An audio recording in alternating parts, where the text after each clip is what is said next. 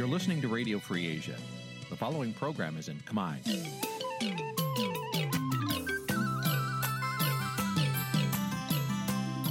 នេះជាកម្មវិធីផ្សាយ Vuthu Azizi Serai នេះជាកម្មវិធីផ្សាយរបស់ Vuthu Azizi Serai ជាភាសាខ្មែរ Vuthu Azizi Serai សូមស្វាគមន៍លោកអ្នកនាងទាំងអស់ពីរដ្ឋធានី Washington នៃសហរដ្ឋអាមេរិក បាទខ្ញុំពិនសាករិយាសូមជម្រាបសួរលោកនាងកញ្ញាទាំងអស់ជាទីមេត្រីយើខ្ញុំសូមជូនកម្មវិធីផ្សាយសម្រាប់យប់ថ្ងៃសុក្រ14កើតខែភេទ្របទឆ្នាំខាលចត្វាស័កពុទ្ធសករាជ2566ត្រូវនៅថ្ងៃទី9ខែកញ្ញាគ្រិស្តសករាជ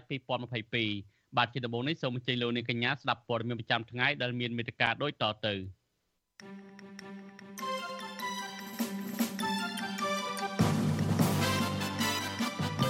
មន្ត្រីគណៈបកភ្លឹងទៀនសច្ចាប្រតិ ប្រតិធាននៅប្រាសាទអង្គរវត្តប្រាជ្ញាបំរើបរដ្ឋអ្នកខ្លងមើលរិះគន់ថាលោកសខេងមិនហ៊ានចាប់មេខ្លោងរឿងជួញដូរមនុស្សនោះទេបាទរដ្ឋាភិបាលជំរុញឲ្យអាជ្ញាធរមូលដ្ឋានបង្ក្រាបនិងបិទបនលបែងស៊ីណូកាស៊ីណូខុសច្បាប់នៅតាមមូលដ្ឋាន បាទនីតិវិទ្យាអ្នកស្ដាប់វិទ្យុអាស៊ីសេរីនៅយប់នេះនឹងជជែកអំពីតើមូលហេតុអ្វីបានជាតឡាការធម្មនុញ្ញថៃមានអធិបុលឲ្យព្យួរទូនាទីលោកប្រយុទ្ធច័ន្ទអចារខុសពីកម្ពុជាដែលលោកហ៊ុនសែនមានអធិបុលទៅលើតឡាការទៅវិញនោះរួមនឹងព័ត៌មានផ្សេងផ្សេងមួយចំនួនទៀតបាទលោកលោកនាងជាទីមេត្រីជាបន្តទៅនេះខ្ញុំបាទសូមជូនព័ត៌មានពិស្ដា បាទនៅថ្ងៃនេះមេដឹកនាំគណៈបកភ្លើងទៀនរួមទាំងសមាជិកក្រុមរក្សាជាប់ឆ្នោតគណៈបកនេះសរុបជាង100នាក់បាននាំគ្នាធ្វើពិធីសច្ចាប្រណិធាននៅប្រាសាទអង្គរវត្តដោយផ្ដាច់ដោយសច្ចាថានឹងស្មោះត្រង់បម្រើពលរដ្ឋនិងស្មោះត្រង់ចំពោះជាតិអ្នកខ្លមើលការបោះឆ្នោតថាការសច្ចាប្រណិធាននេះជាការប្រតិបត្តិតាមទំនៀមទម្លាប់ខ្មែរនិងអាចបន្ថែមទម្ងន់ពីលើកម្មវិធីនយោបាយរបស់គណៈបកនេះទៀតដែលធ្វើឲ្យអ្នកគ្រប់គ្រងគណៈបកភ្លើងទៀនកាន់តែមានជំនឿ បាទប្រធានាធិបតីវ៉ាស៊ីនតោនលោកសេងបណ្ឌិតរាយការណ៍ព័ត៌មាននេះពាក្យសច្ចាប្រណិធាន របស់មេដឹកនាំគណៈបកភ្លើងទៀនថានឹងធ្វើអ្វីៗគ្រប់បែបយ៉ាង ដើម្បីការពារទឹកដីរបបប្រជាធិបតេយ្យនិងការគោរពសិទ្ធិមនុស្សដោយត្រឹមត្រូវពួកគេថានឹងបំពេញការងារដោយស្មោះស្ម័គ្រ និងស្មោះត្រង់ក្នុងនាមជាមហាគ្រួសារនៃគណៈបកភ្លើងទៀនដើម្បីមានឱកាសចូលរួមបម្រើជាតិមាតុភូមិបង្គំយើងខ្ញុំទូលបង្គំយើងខ្ញុំសូមបដិញ្ញាតស៊ូប្រឆាំងសូមបដិញ្ញាតស៊ូប្រឆាំងអំពើអយុត្តិធម៌សង្គមអំពើអយុត្តិធម៌សង្គមហើយតស៊ូដើម្បីឯកភាពជាតិហើយតស៊ូដើម្បីឯកភាពជាតិដើម្បីភាពរុងរឿងខាងកានដើម្បីភាពរុងរឿងខាងកាន សម្ពោសបាយនៃប្រជាខ្មែរសម្ពោសបាយនៃអនុប្រធាននិងជាអ្នកនាំពាក្យគណៈបកភ្លើងទៀនលោកថៃសេដ្ឋាបានឲ្យវិទ្យុអសីសេរីដឹងនៅថ្ងៃទី9កញ្ញាថាគណៈបកភ្លើងទៀនមានការបដិញ្ញាចិត្តខ្ពស់ក្នុងការបំពេញការងាររបស់ខ្លួន ក្នុងបបផែនជាតិមាតុភូមិលោកឲ្យដឹងទៀតថាមុនឈានចូលដល់ការធ្វើពិធីសច្ចាប្រណិធាននេះថ្នាក់ដឹកនាំគណៈបកភ្លើងទៀនបានជួបជុំពិភាក្សាយោបល់គ្នា ក្នុងការធ្វើកម្មវិធីនយោបាយគណៈបកដោយយកតាមគំរូព្រះមហាក្សត្រនិងបព្វបរោះខ្មែរជាការបដិញ្ញាចិត្តរបស់ក្នុងនៃគណៈបកភ្លឹងទៀនក្នុងការតស៊ូនឹងមេប្រទេសជាតិយមពុះមុខវិនិខណ្ឌរបស់ព្រះមហាវីរក្សត្រតែយើងស្មោះត្រង់នឹងជាតិរបស់យើងស្មោះត្រង់នឹងប្រជាពលរដ្ឋរបស់យើងក្នុងការតស៊ូនេះគឺដើម្បីផលប្រយោជន៍ជាតិមាតុភូមិរបស់យើងតែប៉ុណ្ណោះទេមេដឹកនាំគណៈបកភ្លើងទៀនធ្វើសច្ចាប្រណិធាននាពេលនេះ ដណ្ដើមកៅអីក្រមប្រឹក្សាឃុំសង្កាត់បានជាង2000កន្លែងទូទាំងប្រទេសក្នុងការបោះឆ្នោតជ្រើសរើសក្រមប្រឹក្សាឃុំសង្កាត់កាលពីថ្ងៃទី5ខែមិថុនាដែលជាការប្រកួតមួយពោពេញដោយការគៀបសង្កត់និងការធ្វើទុកបុកម្នេញពីអាជ្ញាធររដ្ឋសមាជិកក្រុមប្រឹក្សាសង្កាត់ជាប់ឆ្នោតនៃគណៈបកភ្លើងទៀនម្នាក់លោកខឿនវិរៈដែលបានចូលរួមនៅក្នុងពិធីសច្ចាប្រណិធាននេះដែរបានលើកឡើងថាលោកមានឆន្ទៈ ដូចគ្នាទៅនឹងឆន្ទៈរួមរបស់គណៈបកនេះដែរគឺធ្វើដំណើរចូលរួមការបោះឆ្នោតឆ្នាំ2023ខាងមុខលោកខឿនវិរៈអះអាងទៀតថាក្នុងនាមលោកជាអ្នកបម្រើពលរដ្ឋដែលទទួលបានតំណែងតាមរយៈសិលឹកឆ្នោតរបស់ប្រជាពលរដ្ឋលោកនឹងព្យាយាមបំពេញការងារដើម្បីបម្រើប្រយោជន៍ពលរដ្ឋ ហើយចង់ឲ្យប្រជាពលរដ្ឋរស់នៅក្នុងជីវភាពមួយដែលទទួលយកបានទាំងអស់គ្នាទាំងអ្នកមានក៏រស់បានទាំងអ្នកក្រក៏រស់បានទាំងបកកណ្ដាលអំណាចក៏រស់បានទាំងបកប្រឆាំងក៏រស់បានមិនយកខ្មែរណាជាស្ត្រីមេដឹកនាំគណៈបកភ្លើងទៀនជាង100នាក់ដែលបានទៅធ្វើពិធីសច្ចាប្រណិធាន នៅមុខប្រាសាទអង្គរវត្តខេត្តសៀមរាប កាលពីថ្ងៃទី8ខែកញ្ញា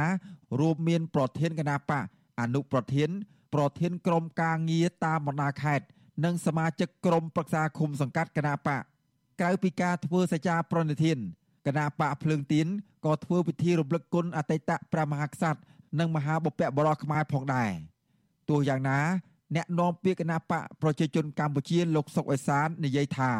អ្នកនយោបាយដែលឈានដល់នាំគ្នាទៅធ្វើស្បត់ស្បាយបែបនេះជាអ្នកនយោបាយអស់សង្ឃឹម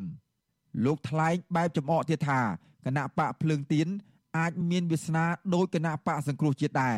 ដែលនឹងបាត់វត្តមានពីទីលានប្រកួតប្រជែងនយោបាយនៅកម្ពុជាលើងទៀនហើយនឹងអតីតសង្គ្រោះជាតិมันខុសគ្នាទេវាតែមួយចឹងគេទៅស្បត់កោវត្តសិតតែចាញ់សម្បត្តិនឹងកោវត្តទាំងអស់ចឹងបានអាលាយដឹងអីចាំមើលមើលឲ្យទៅស្បត់ញយទីអាលាយដូចគ្នាហ្នឹងហើយការសង្គ្រោះជាតិទៅស្បត់នឹងស្អែជំរុញឆន្ទៈហើយជំរុញឆន្ទៈតៈឆាន់បដ ாய்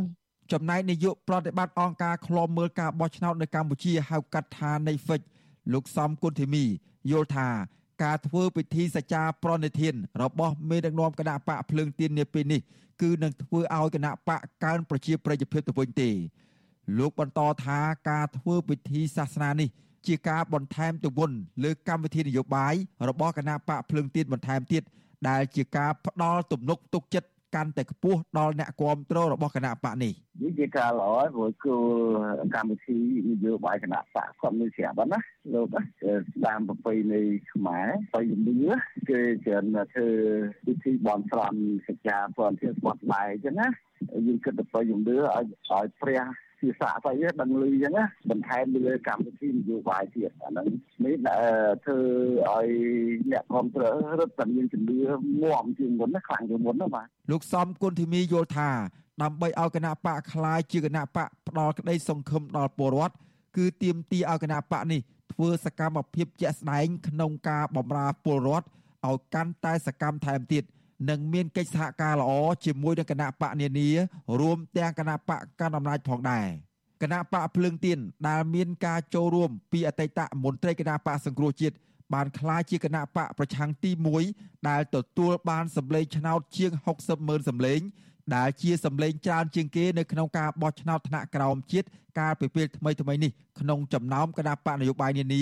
រួមទាំងគណៈបកដែលកើតចេញពីអតីតគណៈបកសង្គ្រោះជាតិ គណៈបកនេះរក្សាជំហរចូលរួមប្រគួតប្រជែងជាមួយនឹងគណៈបកកណ្ដាលអំណាចក្នុងការបោះឆ្នោតជ្រើសរើសតំណាងរាស្ត្រនៅឆ្នាំ2023ខាងមុខខ្ញុំបាទសេកបណ្ឌិតវុទ្ធុអាស៊ីសេរីពីរដ្ឋធានីវ៉ាស៊ីនតោន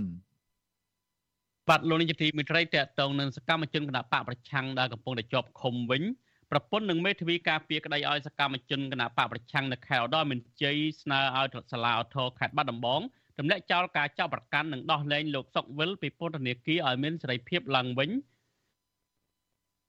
នៅថ្ងៃសវនកម្មខាងមុខនេះពួកគេនឹងតែចាត់ទុកករណីនេះថាជារឿងនយោបាយមន្ត្រីសង្គមស៊ីវិលជំរុញឲ្យរដ្ឋាភិបាលបញ្ឈប់ការធ្វើទុកបុកម្នេញលើផ្នែកនយោបាយព្រមទាំងស្ដារលទ្ធិប្រជាធិបតេយ្យនិងសិទ្ធិមនុស្សឡើងវិញដើម្បីបញ្ជាការរិះគន់ពីមតិជាតិនិងអន្តរជាតិបន្ថែមទៀតបាទពីរដ្ឋធានីវ៉ាស៊ីនតោនលោកជាតិចំណានរាយការណ៍ព័ត៌មាននេះ ប្រពន្ធសកម្មជនគណៈបកប្រឆាំងដែលកំពុងជាប់ពន្ធនាគារលោកសុកវលគឺលោកស្រីផុនធុនប្រាប់វិសុវអស៊ីស្រីនៅថ្ងៃទី9ខែកញ្ញាថាក្រោយពីអាជ្ញាធរចាប់ប្តីដាក់ពន្ធនាគារអស់រយៈពេល7ឆ្នាំមកនេះធ្វើឲ្យគ្រួសារលោកស្រីទទួលរងភាពអយុត្តិធម៌ដោយមិនអាចទទួលយកបាននោះឡើយប្រពន្ធសកម្មជនគណៈបកប្រឆាំងរូបនេះឲ្យដឹងថាលោកស្រីពុំសូវទៅផ្ញើម្ហូបអាហារថ្នាំពេទ្យនិងសម្ភារៈផ្សេងៗឲ្យប្តីនោះទេពីព្រោះជីវភាពគ្រួសារក្រីក្រ ប៉ុន្តែលោកស្រីព្រួយបារម្ភពីសុខភាពប្តីជាខ្លាំងពីព្រោះគាត់មានជំងឺលើសឈាមជំងឺរមាស់ស្គមស្គាំងដោយសារតែគាត់ហូបចុកមិនគ្រប់គ្រាន់ការស្នាក់នៅក្នុងបន្ទប់ឃុំឃាំងតូចចង្អៀតជាមួយអ្នកជាប់ឃុំប្រមាណ50នាក់ទៀតពាក្យគីផងពាក្យអង្ការរមិញបានគិតអេអ្នករោដោះអចេះទឹកទឹក ទល់ខ្លួនឯងអាហ៊ុនរៀនណាចាហ៊ុនរៀនខ្វះខាតគ្រប់ពុតនេះទៅមិនទូទេដែលខ្វះលុយមុនក៏ថាគាត់ធ្វើការអត់ដែលលុយឈាមទេដល់គាត់ទៅនោះចន់នេះបែរលុយឈាមចំណែកមេធាវីការពារក្តីឲ្យសកម្មជនគណបកប្រឆាំងលោកសំសុគង្គប្រាប់វិសុអស៊ីសេរីថាកន្លងទៅលោកខកចិត្តចំពោះតឡាការសាលាដំបងខេត្តរដូវមានជ័យដែលបានកាត់ទោសលោកសុកវិលនិងសកម្មជន2នាក់ទៀត ដាក់ពន្ធនាគារចំនួន5ឆ្នាំទាក់ទងនឹងព្រឹត្តិការណ៍ថ្ងៃ9វិច្ឆិកាឆ្នាំ2019គណៈសកម្មជនមួយចំនួនដែលប្រកាសចោះចូលជាមួយគណៈបកប្រជាជនកម្ពុជាបែរជាតុលាការទម្លាក់ចោលការចោះប្រកាន់នេះទៅវិញលោកចាត់ទុកករណីនេះគឺជារឿងនយោបាយច្រើនជាងការអនុវត្តច្បាប់ដែលកូនក្តីរបស់លោកទទួលរងភាពអយុត្តិធម៌លោកសំសុគង្គ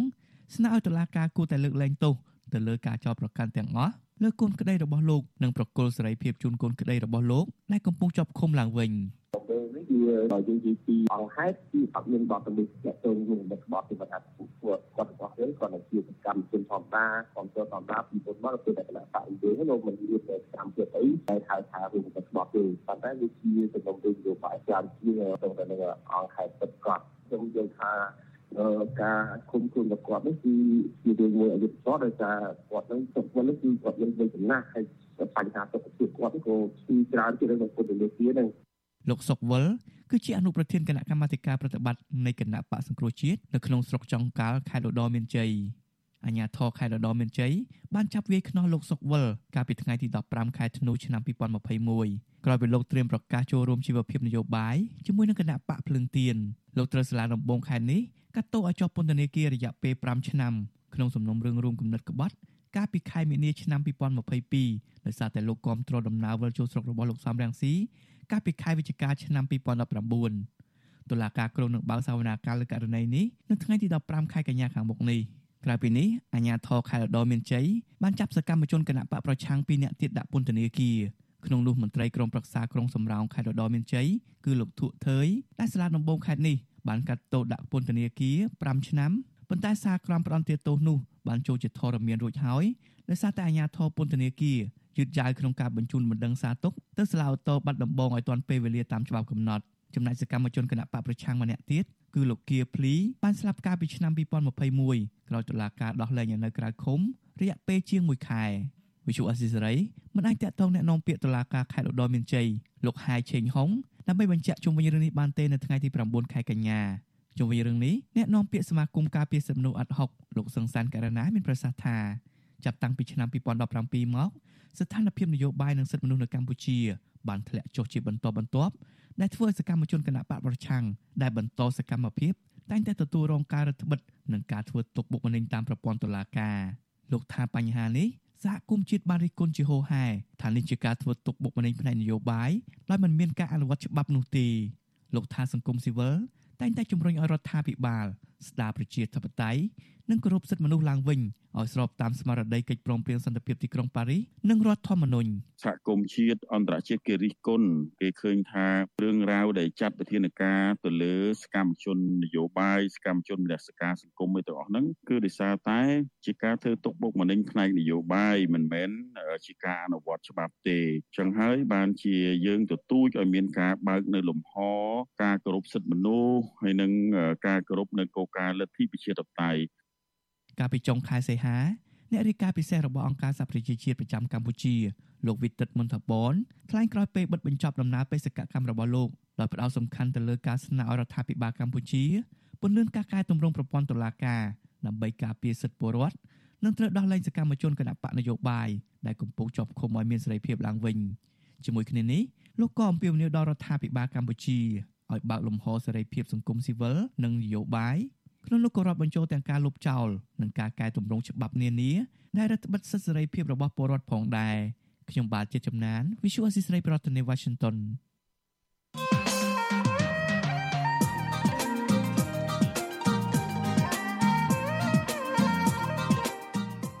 បាទលោកនាយកទីមេត្រីតឡាការធម្មនិញថៃបានសម្រេចព្យួរតំណែងនាយករដ្ឋមន្ត្រីពីលោកប្រយុទ្ធច័ន្ទអោចាជាបណ្ដោះអាសន្នកាលពីចុងខែសីហានេះដោយលោកមិនហ៊ានជំទាស់អ្វីឡើយខុសពីនៅកម្ពុជាលោកនាយករដ្ឋមន្ត្រីហ៊ុនសែនដែលធ្លាប់បានចាញ់ការបោះឆ្នោតហើយនៅតែក្រែងនៅនីលមិនព្រមប្រគល់អំណាចឲ្យទៅគណៈបកដល់ឆ្នះឆ្នោតទៅវិញតាមមូលហេតុអ្វីបានជាតឡាការធម្មនិញថៃមានសិទ្ធិព្យួរតំណែងនាយករដ្ឋមន្ត្រីពីលោកប្រយុទ្ធច័ន្ទអោចាដូចនេះ បាទសូមលោកនាងរងចាំទស្សនានីតិវេទការអ្នកស្ដាប់អសិរ័យដែលនឹងជជែកអំពីបញ្ហានេះនាពេលបន្តិចទៀតនេះកុំបីខានបើសិនជាលោកនាងមានសំណួរចង់សួរមកកាន់វិក្កាមរបស់យើងឬក៏ចង់បញ្ចេញជាមតិយោបល់សូមលោកនាងដាក់លេខទូរស័ព្ទនៅក្នុងក្នុង comment របស់យើងដែលយើងកំពុងតែផ្សាយផ្ទាល់នៅលើបណ្ដាញសង្គម Facebook YouTube យើងខ្ញុំនឹងហៅទៅលោកនាងវិញបាទសូមអរគុណ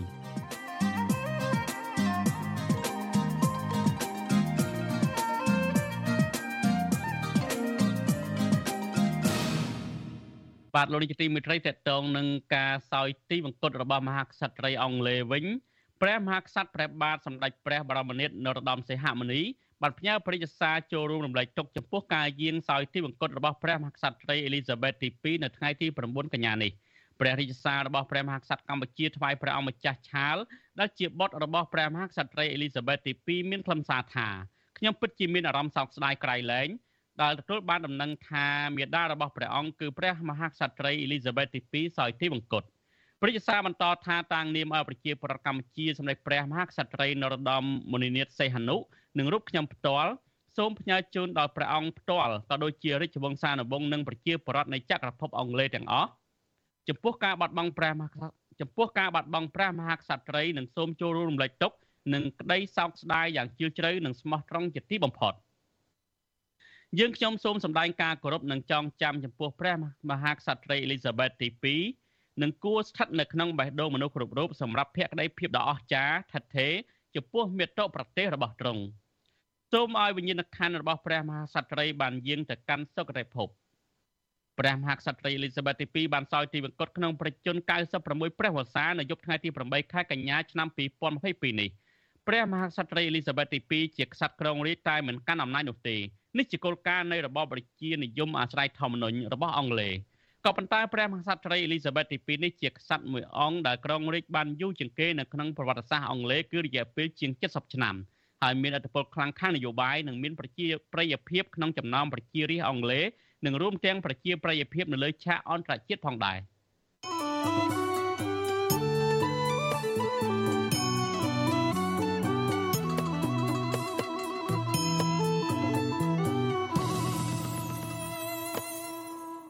បាទលោកនាយកទីមេត្រីតេតងនឹងលបែងស៊ីសងនៅកម្ពុជាវិញអគ្គលេខាធិការដ្ឋាននៃគណៈកម្មការគ្រប់គ្រងបនលបែងពាណិជ្ជកម្មកម្ពុជាជំរុញឲ្យអាជ្ញាធរបង្ក្រាបនិងបិទបនលបែងស៊ីសងខុសច្បាប់ទាំងអស់នៅតាមមូលដ្ឋានដោយសារការងារទាំងនោះស្ថិតនៅក្រោមដែនសមត្ថកិច្ចរបស់ក្រសួងមហាផ្ទៃ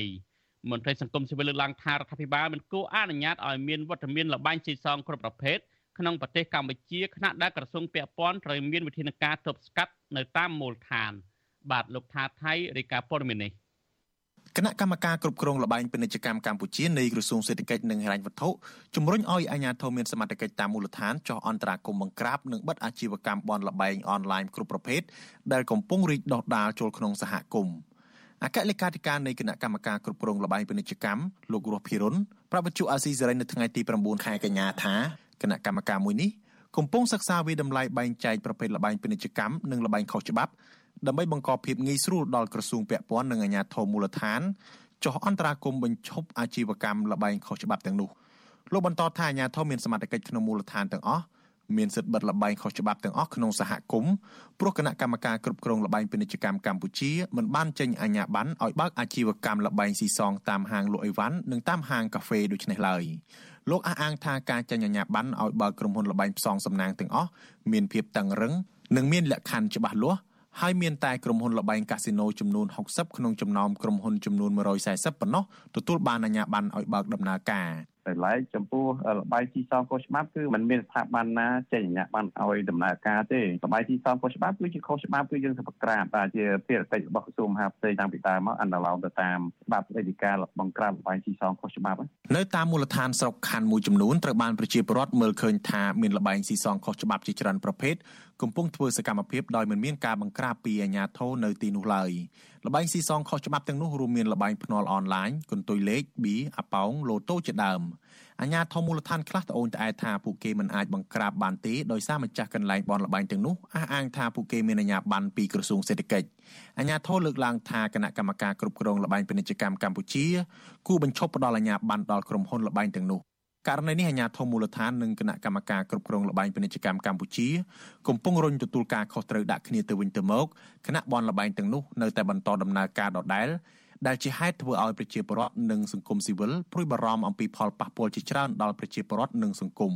តើតិនបញ្ហានេះវិទ្យុអាស៊ីសេរីមិនអាចតកតងแนะនាំពាក្យអគ្គស្នងការដ្ឋាននគរបាលជាតិលោកឆៃកឹមខឿននិងแนะនាំពាក្យក្រសួងមហាផ្ទៃលោកខៀវសុភ័ក្រដើម្បីសុំការអធិប្បាយបានទេនៅថ្ងៃទី9សីហាទោះជាយ៉ាងណា ប្រធានសមាគមនិស្សិតបញ្ញវន្តខ្មែរលោកកើតសារាយយល់ឃើញថារដ្ឋាភិបាលកម្ពុជាមិនគូអនុញ្ញាតឲ្យរាល់លបែងស៊ីសងគ្រប់ប្រភេទបើកប្រតិបត្តិការនៅលើទឹកដីកម្ពុជានោះឡើយលោកមើលឃើញថាវត្តមានលបែងទាំងនោះបានបង្កឲ្យមានវិបត្តិនិងផលប៉ះពាល់ជាច្រើនជាហេតុធ្វើឲ្យប្រទេសបាត់បង់ធនធានមនុស្សកម្លាំងពលកម្មប្រជាពលរដ្ឋបាត់បង់ចំណូលបង្កើនអត្រានៃភាពក្រីក្រ និងធ្វើឲ្យសិលធម៌សង្គមកាន់តែធ្លាក់ចុះ លោកលើកឡើងទៀតថាក្រសួងពាក់ព័ន្ធត្រូវមានវិធានការទប់ស្កាត់លបែងស៊ីសងខុសច្បាប់ទាំងនោះតាមរយៈការផ្ដល់សិទ្ធិស្វ័យភាពទៅអាជ្ញាធរមូលដ្ឋាន និងធានានៅប្រសិទ្ធភាពនៃការអនុវត្តច្បាប់ដោយជៀសវាងនៅការអនុវត្តរងចាំតែបទបញ្ជាពីថ្នាក់លើ។ ហើយយើងដឹងហើយប្រព័ន្ធការធ្វើការងារនៅកម្ពុជាហ្នឹងជាប្រព័ន្ធមើលតាមមុខមេទេតាមមុខមេមិនស្រស់គឺមិនហ៊ានធ្វើតលតែមុខមេស្រស់ទៅហ៊ានធ្វើអាហ្នឹងហើយដែលវាធ្វើឲ្យជឿនយ៉ាងដល់ការអនុវត្តនីតិវិធីចាត់វិធានការតាមផ្លូវច្បាប់ទៅលើលបែងស៊ីសងរដ្ឋមន្ត្រីក្រសួងមហាផ្ទៃលោកសខេងនៅថ្ងៃទី8ខែកញ្ញាបានណែនាំឲ្យអាជ្ញាធរបង្ការទប់ស្កាត់និងបង្ក្រាបរាល់បទល្មើសលួចឆក់ប្លន់លបែងស៊ីសងខុសច្បាប់និងបទល្មើសផ្សេងផ្សេងទៀតដើម្បីធានាសុវត្ថិភាពប្រជាពលរដ្ឋនិងរក្សាសន្តិភាពសាធារណៈ រយៈពេល2ឆ្នាំចុងក្រោយនេះប្រជាពលរដ្ឋសង្កេតឃើញថាមានលបែងស៊ីសងគ្រប់ប្រភេទជាពិសេសលបែងអនឡាញខុសច្បាប់រីករាលដាលដូចផ្សិតនៅក្នុងមូលដ្ឋានដែលពួកគាត់រស់នៅការកើនឡើងនិងការផ្ដល់សេរីភាពពេញទំហឹងឲ្យលបែងទាំងនោះដំណើរការត្រូវបានប្រជាពលរដ្ឋសង្ស័យថាមានការចូលដៃចូលជើងពីសំណាក់អាជ្ញាធរតាមរយៈការទទួលសំណូកលៀបសការៈឬម្ចាស់អាជីវកម្មទាំងនោះមានអ្នកមានអំណាចនៅចាំកាងពីក្រោយខ្ញុំថាថៃពីទីក្រុងមែលប៊ន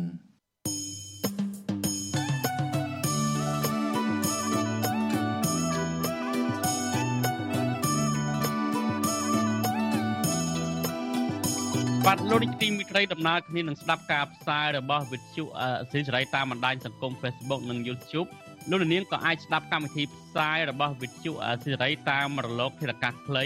តាមកម្រិតនិងកម្ពស់ដូចតទៅនេះពេលព្រឹកចាប់ពីម៉ោង5កន្លះដល់ម៉ោង6កន្លះតាមរយៈរលកធារកាសខ្លី12140 kHz ស្មើនឹងកម្ពស់ 25m និង13715 kHz ស្មើនឹងកម្ពស់ 22m ពេលយប់ចាប់ពីម៉ោង7កន្លះដល់ម៉ោង8កន្លះ តាមរយៈរលកធាតុអាកាសខ្លី9960 kHz ស្មើនឹងកម្ពស់ 30m និង12140 kHz ស្មើនឹងកម្ពស់ 25m និង11885 kHz ស្មើនឹងកម្ពស់ 25m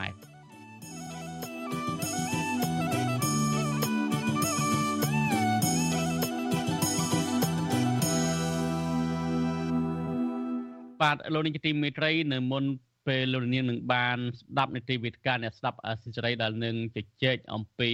តើមូលហេតុអ្វីបានជាតុលាការធំនៅថៃមានសិទ្ធិជួ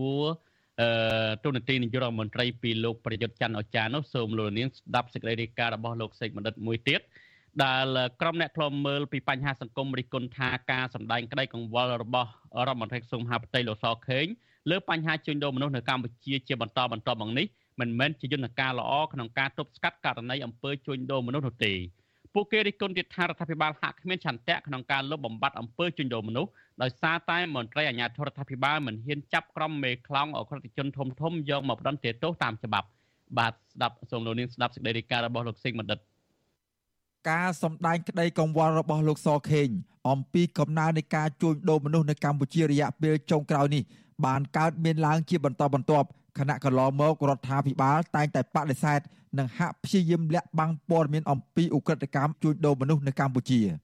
អ្នកតាមដានស្ថានភាពកម្ពុជាលើកឡើងថាបើរដ្ឋាភិបាលពិតជាមានឆន្ទៈនៅក្នុងការលុបបំបាត់អំពើជួញដូរមនុស្សពិតមែននោះរដ្ឋមន្ត្រីក្រសួងមហាផ្ទៃអាចមានអំណាចពេញដៃក្នុងការស្រាវជ្រាវចាប់មេខ្លោងធំធំយកមកអនុវត្តទោសមិនមែនត្រឹមតែជាការអំពាវនាវដល់ភាគីពាក់ព័ន្ធឲ្យមកជួយទប់ស្កាត់ និងបង្ហាញក្តីកង្វល់បែបនេះឡើយអ្នកវិភាគនយោបាយលោកកឹមសុខយល់ថាការទទួលស្គាល់និងការបង្ហាញក្តីបារម្ភអំពីឧក្រិដ្ឋកម្មជួញដូរមនុស្សពីសំណាក់លោកសខេងនាពេលនេះទំនងជាលោកចង់បង្ហាញថាកម្ពុជាក្រោយការដឹកនាំដោយលោកហ៊ុនសែនកំពុងបង្កឲ្យមានបទល្មើសបែបឧក្រិដ្ឋកម្ម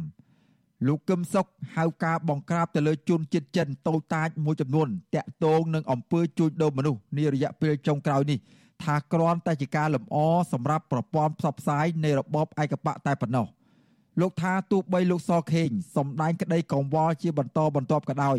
ក៏ស្ថាប័នថ្នាក់ជាតិកម្ពុជាកម្ពុជាគ្មានអធិបុលនៅក្នុងការស៊ើបអង្កេតចាប់មេខ្លោងជួញដូរមនុស្សដែលមានទំនាក់ទំនងក្រុមបកពួកលោកហ៊ុនសែននោះដែរ លោកសខេងចង់បង្ហាញថាការដឹកនាំជាតិឲ្យជួបវិបត្តិធំធេងដូចយើងឃើញសពថ្ងៃគឺជាការទទួលខុសត្រូវទាំងស្រុងរបស់លោកហ៊ុនសែននិងក្រុមគ្រួសារហ៊ុនហើយលោកសខេងទំនងជាចង់បញ្ជាក់ថាលោកហ៊ុនសែននេះគ្មានអ្នកណាអាចកែប្រែគាត់បាននោះទេ បើទោះបីជាលោកសខេងជាឧបនាយករដ្ឋមន្ត្រីទី1ជាមនុស្សទី2ក្នុងរដ្ឋាភិបាលក៏ដោយក៏គ្មានសមត្ថភាពកែលោកហ៊ុនសែនឲ្យនឹក ឃើញអំពីការកែតម្រង់រកផលប្រយោជន៍ជូនជាតិនិងប្រជាពលរដ្ឋបានដែរលោកសខេងកាលពីថ្ងៃទី8ខែកញ្ញាលោកបានសម្ដែងក្តីកង្វល់ជាថ្មីម្ដងទៀតអំពីកំណើនករណីជួញដូរមនុស្សនិងការលាងលុយកខ្វក់ដែលកំពុងជះឥទ្ធិពលមិនល្អដល់មុខមាត់របស់កម្ពុជា លោកបន្ថែមថា កម្ពុជាកំពុងប្រែក្លាយជាប្រទេសរងគ្រោះលើករណីជួញដូរមនុស្សលោកបញ្ជាក់ថាក្រមអ ுக ្រិតជន ដែលប្រព្រឹត្តការចាប់ចម្រិតមនុស្សនិងជួញដូរមនុស្សនេះភ ieck ច្រើនជាជនជាតិបរទេសដែលមានមេខ្លោងចាត់តាំងនៅក្រៅប្រទេស និងនៅកម្ពុជាលោកអំពីវនីវដល់ក្រសួងស្ថាប័នពាក់ព័ន្ធឲ្យចូលរួមឲ្យបានខ្លាំងក្លាបន្ថែមទៀតដើម្បីដោះស្រាយបញ្ហាប្រឈមទាំងនេះឲ្យមានប្រសិទ្ធភាពខ្ពស់របាយការណ៍ក្រសួងមហាផ្ទៃឲ្យដឹងថា ក្នុងឆមាសទី1នៃឆ្នាំ2022នេះសមត្ថកិច្ចបង្ក្រាបអំពើជួញដូរមនុស្សនិងការធ្វើអាជីវកម្មផ្លូវភេទបានចំនួន74ករណីនិងឃាត់ខ្លួនជនសង្ស័យបញ្ជូនទៅតុលាការចំនួន83នាក់ជុំវិញរឿងនេះនាយកទទួលបន្ទុកទូតនៃអង្គការសិទ្ធិមនុស្សលីកាដូលោកអមសំអាតមានប្រសាសន៍ថារដ្ឋាភិបាល និងមន្ត្រីអាជ្ញាធរហាក់មានចំហទទួលស្គាល់អំពីផលប៉ះពាល់ធ្ងន់ធ្ងរដល់មុខមាត់ប្រទេសជាតិដោយសារតែអំពើជួញដូរមនុស្សនេះទោះបីយ៉ាងណាក្តីលោកថារដ្ឋាភិបាលគួរតែបង្ហាញឆន្ទៈពិតប្រាកដនិងអនុវត្តច្បាប់ប្រកបដោយប្រសិទ្ធភាព ជាពិសេសតាមចាប់ក្រុមអ ுக ្រិតជន ដែលជាមេខ្លោងធំធំយកមកអនុវត្តទោស ដើម្បីឲ្យមហាជន មានជំនឿលើប្រព័ន្ធច្បាប់នៅកម្ពុជាអញ្ចឹងយើងជាអង្គការសង្គមស៊ីវិលយើងនៅតែលើកទឹកចិត្តទទូចឲ្យអាជ្ញាធរសាបានពាក់ព័ន្ធក៏ដូចជារាជរដ្ឋាភិបាលពង្រឹងនៅយន្តការដើម្បីធ្វើការទប់ស្កាត់និងបង្ក្រាបទៅលើការជួញដូរមនុស្សនោះគឺកម្ពុជាយើងត្រូវបង្ហាញអំពីឆន្ទៈនិងការតាំងចិត្តពុះតាមរយៈពង្រឹងក្នុងការអនុវត្តច្បាប់ឲ្យមានប្រសិទ្ធភាព ការផ្សព្វផ្សាយរបស់ស្ថាប័នព័ត៌មានអន្តរជាតិអាល់ហ្សាសេរ៉ាកាលពីពាក់កណ្ដាលខែកក្កដាបានបង្ហាញថាបណ្ដាញក្រុមហ៊ុនឆោបោកចិនបើកអាជីវកម្មចាប់ចម្រិតមនុស្សបង្ខំឲ្យធ្វើការខុសច្បាប់នៅកម្ពុជា ដំណើរការទៅបានដោយសេរីនោះគឺដោយសារតែក្រុមហ៊ុនទាំងនោះបានសហការនិងទទួលបានការជួយជ្រោមជ្រែងពីក្រុមមនុស្សអ្នកមានលុយមានអំណាច នៃបកពួកលោកនាយករដ្ឋមន្ត្រីហ៊ុនសែនអាល់សាស៊ីរ៉ាបានលាតត្រដាងទៀតថា មនុស្សចិត្តស្និទ្ធនឹងលោកហ៊ុនសែនព្រមទាំងមន្ត្រីនៅក្នុងជួររដ្ឋាភិបាលមួយចំនួនទៀតសុទ្ធតែមានអាគារដូចជានៅខេត្តប្រសេនុខេត្តពោធិ៍សាត់សម្រាប់ផ្ដល់ឲ្យជនជាតិចិនបង្ខាំងមនុស្សដើម្បីបង្ខំឲ្យធ្វើការងារឆបោកមនុស្សនៅតំបន់អាស៊ីដែលមានទំហំទឹកប្រាក់រាប់ពាន់លានដុល្លារក្រសួងការបរទេសសហរដ្ឋអាមេរិកក៏រកឃើញដែរថាកម្ពុជាដើរថយក្រោយនិងគ្មានឆន្ទៈនៅក្នុងការលុបបំបាត់ការជួញដូរមនុស្ស ដោយសារតែបញ្ហាអំពើពុករលួយជាប្រព័ន្ធដែលបានរារាំងដល់ការអនុវត្តច្បាប់លើក្រមអ ுக ្រិតជនដែលប្រព្រឹត្តអំពើជួញដូរមនុស្សនៅកម្ពុជារបាយការណ៍ស្ដីពីការជួញដូរមនុស្សនៅឆ្នាំ2022របស់ក្រសួងការបរទេសអាមេរិកបានចេញផ្សាយកាលពីថ្ងៃទី19ខែកក្កដាបានទម្លាក់ចំណាត់ថ្នាក់កម្ពុជាមកកម្រិតទី3ដែលមានន័យថាអាក្រក់បំផុត និងពុំធ្លាប់មានចាប់តាំងពីឆ្នាំ2015មកខ្ញុំបាទសេកបណ្ឌិត វិទ្យុអាស៊ីសេរីពីរដ្ឋធានីវ៉ាស៊ីនតោន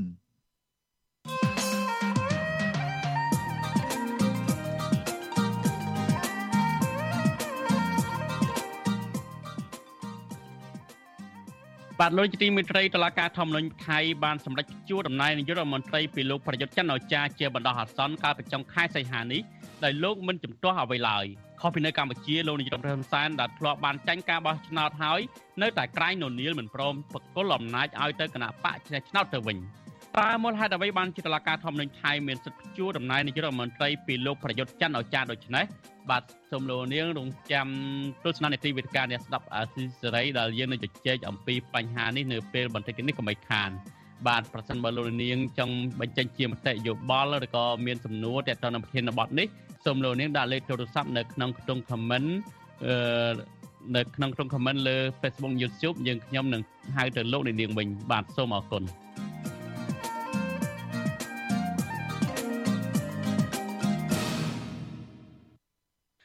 បាទលោកនេះជាទីមេត្រីតេតទៅនឹងក្រុមកោតក្រ Nagavel វិញគឺពួកគេលែងត្រឡប់ទៅផ្ទះវិញហើយក្រុមកោតក្រ Nagavel នៅថ្ងៃទី9កញ្ញានេះចាប់ផ្ដើមដាំបាយនិងដេកនៅមុខអគារ Casino Naga ដើម្បីទាមទាររំដោះស្រាយវិវាទការងារជាមួយថៅកែកាស៊ីណូមួយនេះមន្ត្រីសង្គមស៊ីវិលយល់ឃើញថាក្រសួងការងារគួរតែអន្តរាគមន៍ដោះស្រាយបញ្ហាការងារដ៏រ៉ាំរ៉ៃមួយនេះឲ្យបានឆាប់ចប់ព្រោះក្រុមកម្មករ Nagavel បានធ្វើការទាមទាររកដំណោះស្រាយវិវាទការងារនេះជាយូរមកហើយបាទប្រធានាធិបតីវ៉ាស៊ីនតោនលោកយ៉ងច័ន្ទរារាយការណ៍ព័ត៌មាននេះ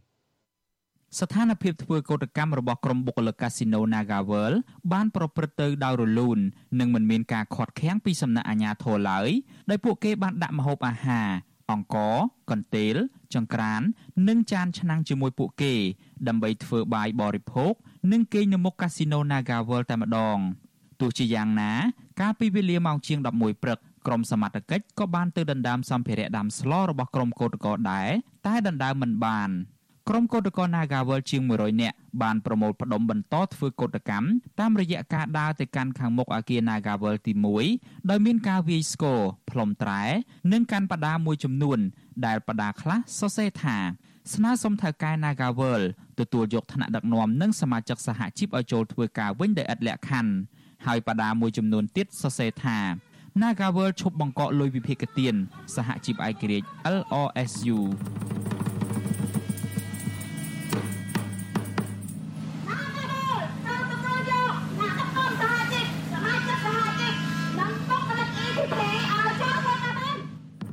តំណាងគឧតកោ Nagawal កញ្ញាពៅរស្មីប្រាប់វិទ្យុអាស៊ីសេរីថាគោលបំណងដែលក្រុមគឧតកោដាំបាយនិងដេកនៅមុខអគារ Nagawal នេះគឺដើម្បីបញ្ជាក់ប្រាប់ទៅដល់សាធារណជន និងមន្ត្រីរដ្ឋាភិបាលថាក្រុមកោតក្របានតវ៉ាអស់រយៈពេលជាយូរមកហើយហើយវាក៏ជាពេលសំលមមដែលភិក្ខីពាក់ព័ន្ធត្រូវធ្វើអន្តរាគមន៍ដោះស្រាយវិវាទការងារនេះជូនដល់ពួកគាត់ដែរកញ្ញាពៅរស្មីបន្ថែមថា ចំណុចសំខាន់ដែលក្រុមកោតក្រ Nagawal ទាមទារនៅក្នុងពេលនេះគឺគ្រាន់តែចង់ឲ្យថៅកែក្រុមហ៊ុន Casino Nagawal គោរពទៅតាមច្បាប់ការងារហើយទទួលយកក្រុមសហជីពដែលនៅសេសសល់ជាង100នាក់ឲ្យធ្វើការវិញតែប៉ុណ្ណោះកញ្ញាពៅរស្មីបន្តថា ក្រុមកោតក្រមិនអាចធ្វើការប្តឹងផ្តល់ជាមួយថៅកែក្រុមហ៊ុនដែលមានទ្រព្យសម្បត្តិរាប់រយលានដុល្លារឈ្នះនោះទេដូចនេះកញ្ញាស្នើសុំឲ្យក្រសួងការងារធ្វើអន្តរាគមន៍ដោះស្រាយវិវាទការងារនេះជាជាងជំរុញឲ្យក្រុមកោតក្រប្តឹងទៅតុលាការចង់ស្នើក្រសួងការងារជួយយកច្បាប់ការងារមកប្រើជាមួយក្រុមហ៊ុន Nagavel ផងគាត់មិនអាចយកលុយមកទិញសិទ្ធិសេរីភាពសហជីពនៅក្នុងឯករាជ្យនៅក្នុង Nagavel ទេ វិទ្យុអាស៊ីសេរីមិនអាចតាក់ទងแนะនាំពាក្យក្រសួងការងារលោកហេងសួរដើម្បីសូមអធិប្បាយអំពីរឿងនេះបានទេ នៅថ្ងៃទី9ខែកញ្ញាដោយទូរស័ព្ទចូលតែពុំមានអ្នកទទួលជុំវិញរឿងនេះប្រធានសហព័ន្ធសហជីពចំណីអាហារនិងសេវាកម្មកម្ពុជា អ្នកស្រីអ៊ូទេផូលីនយល់ឃើញថាការដែលក្រុមគឧតកោដាំបាយនិងដេកនៅមុខកាស៊ីណូនេះគឺជាការធ្វើឡើងដោយស្របច្បាប់ អ្នកស្រីបន្តថាក្រុមគឧតកោ Nagawal គឺជាជនរងគ្រោះ ដែលថៅកែក្រុមហ៊ុនបានរំលោភច្បាប់ការងារហើយមូលហេតុដែលបណ្ដាលឲ្យវិវាទការងារនេះនៅតែអូសបន្លាយ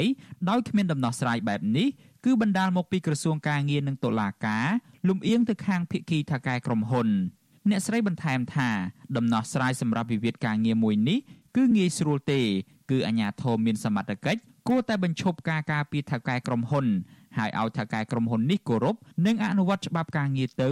គឺអាចដោះស្រាយបានហើយ។ ច្បាប់ស្តីពីការងារក៏មានប្រសេចែងអំពីទួនាទីរបស់អធិការកិច្ចការងារជំរុញឲ្យនយោជកនោះអនុវត្តទៅតាមវិធានការច្បាប់ផ្សេងផ្សេងប៉ុន្តែដល់ពេលនៅស្រុកយើងវាមើលឃើញរឿងជាតិច្រើនសម្រាប់កម្មករនិយោជកកើតឡើងគឺកម្មករមិនដែលទទួលបាននូវភាពយុត្តិធម៌ទេគឺតែងដាក់សម្ពាធចាប់ដាក់ពន្ធនាគារអីបន្តបន្តចឹងឯងពីព្រោះតែប្រព័ន្ធយុត្តិធម៌ស្រុកយើងនោះវាអត់មានសម្រាប់បណ្ណៈកម្មករអញ្ចឹងបើទោះបីច្បាប់មានចែងច្បាស់ជាក់លាក់ក៏ដោយក៏នៅតែវានៅក្នុងកណ្ដាល គិតមកដល់ពេលនេះសកម្មភាពតវ៉ារបស់ក្រុមកោតក្រ Nagawal បានអូសបន្លាយអស់រយៈពេលជាង9ខែមកហើយដោយក្នុងនោះក្រុមកោតក្រ Nagawal តែងរងការគំរាមកំហែងពីអាជ្ញាធរប្រព័ន្ធតុលាការ និងកងកម្លាំងសមត្ថកិច្ចកន្លងទៅអង្គការសង្គមស៊ីវិលជាតិនិងអន្តរជាតិ ព្រមទាំងអ្នករាយការណ៍ពិសេសអង្គការសហប្រជាជាតិផងតែងតែជំរុញឲ្យអាជ្ញាធរមានសមត្ថកិច្ចបញ្ឈប់ការគំរាមកំហែងមកលើក្រុមកោតក្រ Nagawal ដែលធ្វើកោតកម្មដោយអហិង្សានិងសន្តិវិធី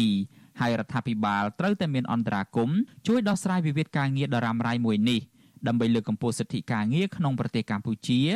ជាជាងការពីថៅកែក្រុមហ៊ុន ដែលជាជនបរទេសហើយមកធ្វើបាបប្រជាពលរដ្ឋខ្លួនឯងបែបនេះ ខ្ញុំយ៉ងច័ន្ទដារាវិទ្យុអាស៊ីសេរីរាយការណ៍ពីរដ្ឋធានី Washington បាទលោកជាទីមេត្រីតតងនឹងទិន្នផលកសិកម្មវិញ សង្គមស៊ីវិលស្នើឲ្យកសិករចងក្រងគ្នាជាសហគមន៍ដើម្បីមានទិន្នន័យគុតគង់ផលិតផលឲ្យបានច្បាស់លាស់ដើម្បីឲ្យងាយស្រួលចរចាលក់ផលិតផលនៅក្នុងតម្លៃខ្ពស់សំណើនេះធ្វើឡើងស្របពេលដែលកម្ពុជាក្រុងនឹងនាំចេញផ្លែមៀនស្រស់ពីកម្ពុជាទៅលក់នៅឯប្រទេសចិននៅខែតុលាខាងមុខនេះ បាទសូមលោកនាងរងចាំស្ដាប់សេចក្តីរាយការណ៍នេះពិស្ដារនៅក្នុងការផ្សាយរបស់យើងនៅព្រឹកស្អែកបាទលោកនាយកទីមេត្រីលោកនេះត្រូវបានស្ដាប់ព័ត៌មានប្រចាំថ្ងៃដែលរៀបចំដោយខ្ញុំបាទធីនសាការីយ៉ាពីរដ្ឋធានីវ៉ាស៊ីនតោនសូមលោកនាងរងចាំស្ដាប់នីតិវិទ្យាអ្នកស្ដាប់អាស៊ីសេរីនៅពេលបន្តិចទៀតនេះ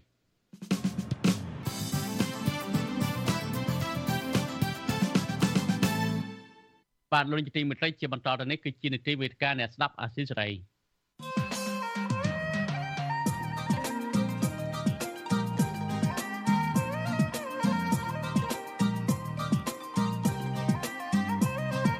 វេទិកាអ្នកស្ដាប់វិទ្យុអាស៊ីសេរី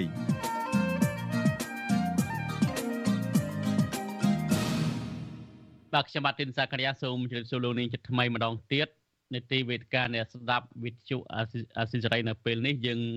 នឹងជជែកអំពីថាតើមូលហេតុអ្វីបានជាតឡាការធម្មនុញ្ញថៃនឹងមានអត្តពលអាចដកអាយព្យួរសំទោសអាយព្យួរទូនាទីនាយករដ្ឋមន្ត្រីពីលោកប្រយុទ្ធច័ន្ទអូចាបាន ខុសពីនៅកម្ពុជាដែលលោកនាយករដ្ឋមន្ត្រីហ៊ុនសែននឹងគឺមានអធិបុលខ្លាំងទៅលើតឡាការទៅវិញបាទវាគ្មិនទៅចូលរួមនៅក្នុងការពិភាក្សារបស់យើងលើប្រធានបទនេះយើងមានលោកបណ្ឌិតមាសនេះដែលជាអ្នកខ្លមមើលផ្នែកអភិវឌ្ឍសង្គមហើយនិងលោកបណ្ឌិតសេងសេរីខ្ញុំបាទសូមជម្រាបសួរលោកបណ្ឌិតទាំងពីរបាទសូមជម្រាបសួរបាទជម្រាបសួរបាទអរគុណណាស់ដែលលោកទាំងពីរបានចូលរួមនៅក្នុងការពិភាក្សារបស់យើងជាថ្មីម្ដងទៀតនៅរាត្រីនេះហើយ ដោយដែលលោកនាងបានដឹងហើយកាលពីពេលថ្មីថ្មីនេះពោលគឺថ្ងៃទី24សីហាកន្លងទៅនេះគឺថាតឡាការធម្មនុញ្ញថៃនឹងបានព្យួរទូនាទីនាយករដ្ឋមន្ត្រីពីលោកប្រយុទ្ធច័ន្ទអូចាជាបណ្ដោះអាសន្នសិនហើយឃើញថាការព្យួរទូនាទីនេះគឺនៅក្រោយពេលដែលខាងគណៈបកប្រឆាំងថៃនឹងបានដាក់ញត្តិទៅសភា ដើម្បីស្នើឲ្យពិនិត្យឡើងវិញលើទូនទីរបស់លោកប្រយុទ្ធច័ន្ទអូចានេះក្រោយពីលោកបានធ្វើជានាយករដ្ឋមន្ត្រី8ឆ្នាំហើយការដែលគណៈបកប្រឆាំងបានដាក់ញត្តិស្នើបែបនេះគឺយោងទៅលើរដ្ឋធម្មនុញ្ញថៃឆ្នាំ2007ដែលកំណត់អាណត្តិនាយករដ្ឋមន្ត្រីអ្នកដឹកនាំជានាយករដ្ឋមន្ត្រីថៃបាននឹងគឺបានតែ2អាណត្តិទេគឺថារយៈពេល8ឆ្នាំកំណត់រយៈពេល8ឆ្នាំហើយឃើញថាក្រោយពីការដាក់ញត្តិ ទៅសភាថ្ងៃទី22ឃើញថាតឡាការធម្មនុញ្ញថៃហ្នឹងហាក់បីដូចជាចាត់ការភ្លាមភ្លាមដែរទៅលើញត្តិនេះគឺថាថ្ងៃទី24ហ្នឹងគឺបានសម្រេចជួជាបណ្ដោះអាសន្នដោយសម្លេង5ទល់នឹង4ហើយឃើញថាសារព័ត៌មានរបស់ថៃបានចុះផ្សាយថានៅថ្ងៃទី14កញ្ញាខាងមុខនេះតឡាការធម្មនុញ្ញថៃនឹងសម្រេចថាតើសម្រេចបញ្ចប់មុខតំណែងលោកប្រយុទ្ធច័ន្ទអចារឬក៏យ៉ាងណានោះហើយឃើញថា ហាងសារព័ត៌មានឃើញថាបាន share ព័ត៌បានចុះផ្សាយដល់អំពីប្រហែលថ្ងៃមុននេះលោកប្រយុទ្ធច័ន្ទអាចារ្យហើយបើដូចជាយករថយន្តដែលលោកជិះនឹងកន្លងមកយកទៅប្រគល់ឲ្យរដ្ឋវិញបាទបញ្ហាសំខាន់ដែលយើងមើលឃើញថាលោកប្រយុទ្ធនេះក៏ជាមនុស្សមានអធិបុលខ្លាំងដែរប៉ុន្មានមកគឺជាលោកជាមេទាហានគឺរដ្ឋមន្ត្រីក្រសួងការពារជាតិហើយតាមសារព័ត៌មានថៃលើកបានលើកឡើងថាលោកប្រយុទ្ធអាចទៅកាន់តួនាទីចាស់វិញគឺជា រដ្ឋមន្ត្រីក្រសួងការពារជាតិវិញប៉ុន្តែបញ្ហាដែលយើងមើលឃើញនៅពេលនេះគឺថាលោកគ្មានចំទាស់អ្វីទេនៅពេលដែលតុលាការធម្មនុញ្ញថៃ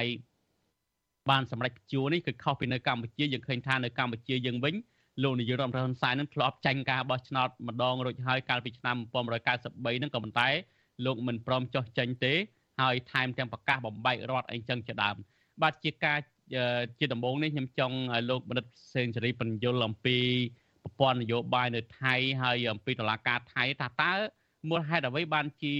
លោកប្រយុទ្ធច័ន្ទអចារដែលមានកងទ័ពនៅក្នុងដៃផងក៏ប៉ុន្តែមិនមានប្រតិកម្មអ្វីទាល់តែសោះហើយអនុវត្តទៅតាមការសម្រេចរបស់តុលាការបែបនេះហេតុអីបានជាតុលាការមានអធិបុលខ្លាំងបែបនេះបាទសូមចេញ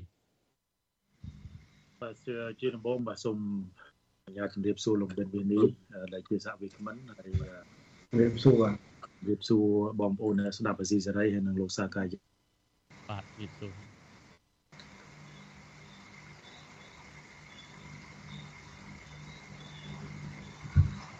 លោកប្រឌិតសេនស៊ូរីមិននេះគាំងមកសុំលោកបន្តបាទមិនអត់លឺលោកទេបាទសុំលោកបន្តបាទសូមសូមសូមជម្រាបសួរម្ដងទៀតបាទបាទលឺហើយបាទសុំចេញបាទបាទខ្ញុំបើសិនជាយើងឆ្លើយដោយត្រង់ទៅនឹងសំណួរដែលលោកសាកាយាលើកឡើងថាលោកប្រយុទ្ធច័ន្ទឧឆានឹងមាន តបនៅក្នុងដៃប៉ុន្តែហេតុអីបានជាមិនតបតជាមួយនឹងការសម្រេចរបស់តុលាការធម្មនុញ្ញយើងឃើញថានៅក្នុងរដ្ឋធម្មនុញ្ញមាត្រា100 158បាទគឺបានកំណត់តួនាទីរបស់យុរដ្ឋមន្ត្រីហ្នឹងគឺកំណត់ត្រឹមតែ8ឆ្នាំអញ្ចឹងមកដល់ថ្ងៃទីអឺ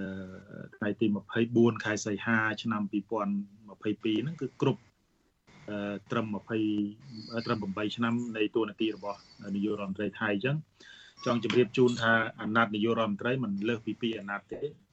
គឺរយៈពេល8ឆ្នាំ គឺក្នុង1ឆ្នាំក្នុង4ឆ្នាំម្ដងប៉ុន្តែខ្ញុំក៏ចង់ជម្រាបជូនទៅបងប្អូនអ្នកស្ដាប់យល់អំពីប្រព័ន្ធតឡាការប្រព័ន្ធនយោបាយនៅប្រទេសថៃបន្តិចដែរដោយចាប់ផ្ដើមចេញអំពីតឡាការធម្មនុញ្ញថៃ តឡាការធម្មនុញ្ញថៃត្រូវបានបង្កើតឡើងនៅ ឆ្នាំ1997ហើយតឡាការធម្មនុញ្ញនេះគឺបង្កើតឡើងដើម្បីបកស្រាយច្បាប់ផងដើម្បីអឺគេហៅថាពិចារណាឬក៏វិនិច្ឆ័យទៅលើការរំលាយគណៈបកនយោបាយការបណ្ដេញអ្នកនយោបាយចេញពីសេវានយោបាយរួមទាំងការដកតំណែងឬក៏ ការព្យួរតំណែងនាយករដ្ឋមន្ត្រីផងនេះជាតួនាទីសំខាន់សំខាន់របស់តុលាការធម្មនុញ្ញថៃហើយបើយើងពិនិត្យមើលថាតើតុលាការធម្មនុញ្ញថៃតាំងពីឆ្នាំ97មកហ្នឹងមានតួនាទីអីខ្លះបើយើងសង្កេតមើលយើងមើលព្រឹត្តិការណ៍ធំធំយើងឃើញថាតឡាការធម្មនុញ្ញថៃនេះបានធ្វើកិច្ចការងារធំធំប៉ុន្តែខ្ញុំសូមលើកកិច្ចការងារធំធំមួយចំនួនដែល តឡាការធម្មនុញ្ញថៃបានធ្វើហ្នឹងគឺបើយើងមើលនៅក្នុងឆ្នាំ2007ក្នុងឆ្នាំ2007បកមួយដែលហៅគេហៅថាបកថៃរដ្ឋថៃបកថៃរដ្ឋថៃនេះដែលមានលោកតាក់ស៊ីនជាប្រធានបកហ្នឹងគឺត្រូវបានរំលាយក្នុងចំណោមបកតូចតូច3ផ្សេងទៀតអញ្ចឹងនៅក្នុងឆ្នាំ2007នេះបករបស់លោកតាក់ស៊ីនគណៈបកនយោបាយរបស់លោកតាក់ស៊ីនត្រូវបានរំលាយចេញពីប្រព័ន្ធនយោបាយថៃអា ហ្នឹងយើងឃើញថាឆ្នាំ2007គឺឆ្នាំ2007ហ្នឹងឃើញតឡាការធម្មនុញ្ញហ្នឹងបានធ្វើកិច្ចការងារហ្នឹងធំមួយបើយើងមើលនៅក្នុងឆ្នាំ2008យើងឃើញថាតឡាការធម្មនុញ្ញហ្នឹងក៏បានដកហូតតំណែងឬក៏បញ្ចប់តំណែងនាយករដ្ឋមន្ត្រីម្នាក់ឈ្មោះសមៈសុនតារវេតសមៈសុនតារវេតនេះគឺជានាយករដ្ឋមន្ត្រី ដែលកើតឡើងក្រោយពីការរំលាយឬក៏ការធ្វើរដ្ឋប្រហារនៅក្នុងនៅក្នុងសម័យតាក់ស៊ីនបាទហើយបន្ទាប់មកទៀតបើយើងមើលនៅឆ្នាំ2014ក៏យើងឃើញថាតឡាការធម្មនុញ្ញនេះក៏បានបញ្ចប់តំណែងរបស់អ្នកស្រីយឹងឡាក់ឈិនវត្តដែលជាប្អូនស្រីបង្កើតរបស់លោកនាយករដ្ឋមន្ត្រីតាក់ស៊ីនឈិនវត្តហើយពេលនោះហើយដែលលោកអ្នកស្រីយឹងឡាក់នេះក៏ជា នាយករដ្ឋមន្ត្រីមួយដែលត្រូវបានផ្ដួលរំលំដោយរដ្ឋប្រហារហើយដឹកនាំដោយលោកប្រយុទ្ធច័ន្ទអូឆានតែម្ដងអឺដោយឡែកថ្មីថ្មីនេះនៅក្នុងឆ្នាំ2009ហើយនៅក្នុងឆ្នាំ2019យើងឃើញថាអ្នកនយោបាយវ័យក្មេងម្នាក់ឈ្មោះឋានធនរុងជឹងរុងរិនគិតគឺជាប្រធានគណៈបកអនាគតអនាគតថ្មីអនាគតថ្មីបើយើងប្រែជាភាសាខ្មែរហ្នឹងគឺ បានបញ្ចប់មានន័យថាមិនអោយលោកខ្លាយទៅជាសមាជិករបស់គណៈបកអនាគតថ្មីហើយបញ្ចប់គេហៅថាជាសមាជិកភាពសភានៅក្នុងសភាដែលមកពីគណៈបកអនាគតថ្មីទៀតហើយនៅក្នុងឆ្នាំ2020តឡាការធម្មនុញ្ញដដែលនេះក៏បានរំលាយគណៈបកអនាគតថ្មីដែរដូច្នេះហើយយើងឃើញថា ទូនីតិរបស់តុលាការធម្មនុញ្ញដែលបង្កើតឡើងតាំងពីឆ្នាំ2000ឆ្នាំ1997នេះគឺយើងឃើញថាស្នាដៃធំធំសំខាន់មួយចំនួនហ្នឹងគឺជាស្នាដៃដែលរំលាយគណៈបកនយោបាយជាស្នាស្នាដៃមួយចំនួនទៀតគឺបញ្ចប់តំណែងនាយករដ្ឋមន្ត្រីទោះបីយ៉ាងណាក៏ដោយយើងឃើញថាតឡាការធម្មនុញ្ញនេះគឺមានអង្គព្រះមហាក្សត្រគឺជាប្រធានកិត្តិយសបាទអង្គព្រះមហាក្សត្រថៃប្រធានកិត្តិយស ហើយត្រូវបានសង្គមថៃនោះមើលឃើញថាមាននិន្នាការគ្រប់គ្រងទៅលើពួកយោធាដែលមានដែលគេហៅថាពួកយោធាដែលមាននិន្នាការរាជានិយមឆ្អិនឆ្អៅដូច្នេះតឡាការធម្មនុញ្ញនេះមិនត្រូវបានសង្គមថៃអឺឲ្យតម្លៃប៉ុន្មានទេក៏ប៉ុន្តែថ្មីថ្មីនេះយើងឃើញថាមានព្រឹត្តិការណ៍មួយដែលកើតឡើងនៅថ្ងៃទី24សីហា យើងឃើញថាតឡាការធម្មនុញ្ញថៃនេះត្រូវបានបង្កើតព្រឹត្តិការណ៍មួយដែលសំខាន់គឺការផ្ជួតំណែងលោកនាយករដ្ឋមន្ត្រីប្រយុទ្ធច័ន្ទអូឆាដែលជានាយករដ្ឋមន្ត្រីបច្ចុប្បន្នយើងឃើញថាព្រឹត្តិការណ៍នេះគឺមានការភ្ញាក់ផ្អើលយ៉ាងខ្លាំងហើយតាមពិតទៅថ្ងៃទី8ពីថ្ងៃទីម្សិលមិញហ្នឹងអឺជាថ្ងៃមួយដែលកំណត់នៅក្នុងការសម្រេចថាតើអឺ តំណែងនាយករដ្ឋមន្ត្រីលោកប្រយុទ្ធច័ន្ទអូឆានឹងត្រូវបញ្ចប់ឬក៏យ៉ាងណាក៏ប៉ុន្តែដោយសារតែមានមេធាវីលោកប្រយុទ្ធបានដាក់ឯកសារមួយចំនួនថាវាមានការខ្ទាស់គ្នារវាងរដ្ឋធម្មនុញ្ញដែលកើតឡើងនៅឆ្នាំ2017ថ្មីថ្មីនេះគឺมันបានបញ្ជាក់ច្បាស់ថាថាតើតំណែងនាយករដ្ឋមន្ត្រីនឹងរាប់ចេញពីឆ្នាំដែល ដែលចេញរដ្ឋធម្មនុញ្ញឆ្នាំឆ្នាំ1000ឆ្នាំ2017ឬក៏រាប់ចាប់ពីលោកប្រយុទ្ធច័ន្ទអូឆាហ្នឹងគឺធ្វើរដ្ឋប្រហារបើសិនជាយើងរាប់ចេញពីថ្ងៃដែលលោកធ្វើរដ្ឋប្រហារឆ្នាំ2014ហ្នឹងវាគ្រប់8ឆ្នាំហើយក៏ប៉ុន្តែបើសិនជារាប់ត្រឹមពីការកែរដ្ឋធម្មនុញ្ញឆ្នាំ2007នេះគឺលោកប្រយុទ្ធច័ន្ទអូឆាទើបតែកាន់តំណែងនឹងបាន5ឆ្នាំតែប៉ុណ្ណោះដូច្នេះហើយតឡាការធម្មនុញ្ញកំពុងតែពិចារណាពិចារណារឿងហ្នឹង អានេះលទ្ធផលយ៉ាងណានោះគឺថ្ងៃទី14ប្រហែលជា5ថ្ងៃទៀតនឹងចេញលទ្ធផលហើយលទ្ធផលនៅថ្ងៃទី14ហ្នឹងក៏មិនប្រកាសថាតើតើលោកប្រយុទ្ធច័ន្ទអូឆាហ្នឹងត្រូវត្រូវបញ្ចប់តំណែងជាផ្លូវការជានាយករដ្ឋមន្ត្រីឬយ៉ាងណាទេទន្ទឹមនឹងនោះខ្ញុំក៏ចង់ជម្រាបជូនលោកអ្នកស្ដាប់ក៏ដូចជាលោកសាកាយាដែរថាបើយើងមើលប្រព័ន្ធនយោបាយថៃបើយើងមើលកម្រិតនយោបាយយើងឃើញថាព្រះមហាអង្គព្រះមហាក្សត្រគឺជាប្រមុខ ដែលជាអ្នកសម្រេចចិត្តធំធំជាពិសេសការបញ្ចប់វិបត្តិនយោបាយនៅប្រទេសថៃនៅពេលដែលមានបញ្ហាធ្ងន់ធ្ងរឬក៏បាត់នយោបាយធ្ងន់ធ្ងរយើងឃើញថានៅពេលដែលអង្គព្រះមហាក្សត្រចេញអន្តរាគមន៍អ្នកនយោបាយនៅក្នុងប្រទេសថៃហ្នឹងគឺតែងតែស្ដាប់តែងតែស្ដាប់នៅពរាជអវាទហើយក៏បញ្ចប់នៅនៅអេរយាប័តនយោបាយឬក៏ការតតាំងនយោបាយដើម្បីបញ្ចប់វិបត្តិនយោបាយនៅប្រទេសថៃ ក៏ប៉ុន្តែមុននឹងដល់មុននឹងដល់អឺអង្គព្រះមហាក្សត្រនឹងគឺយើងមានតឡាការប្រទេសថៃនឹងមានតឡាការ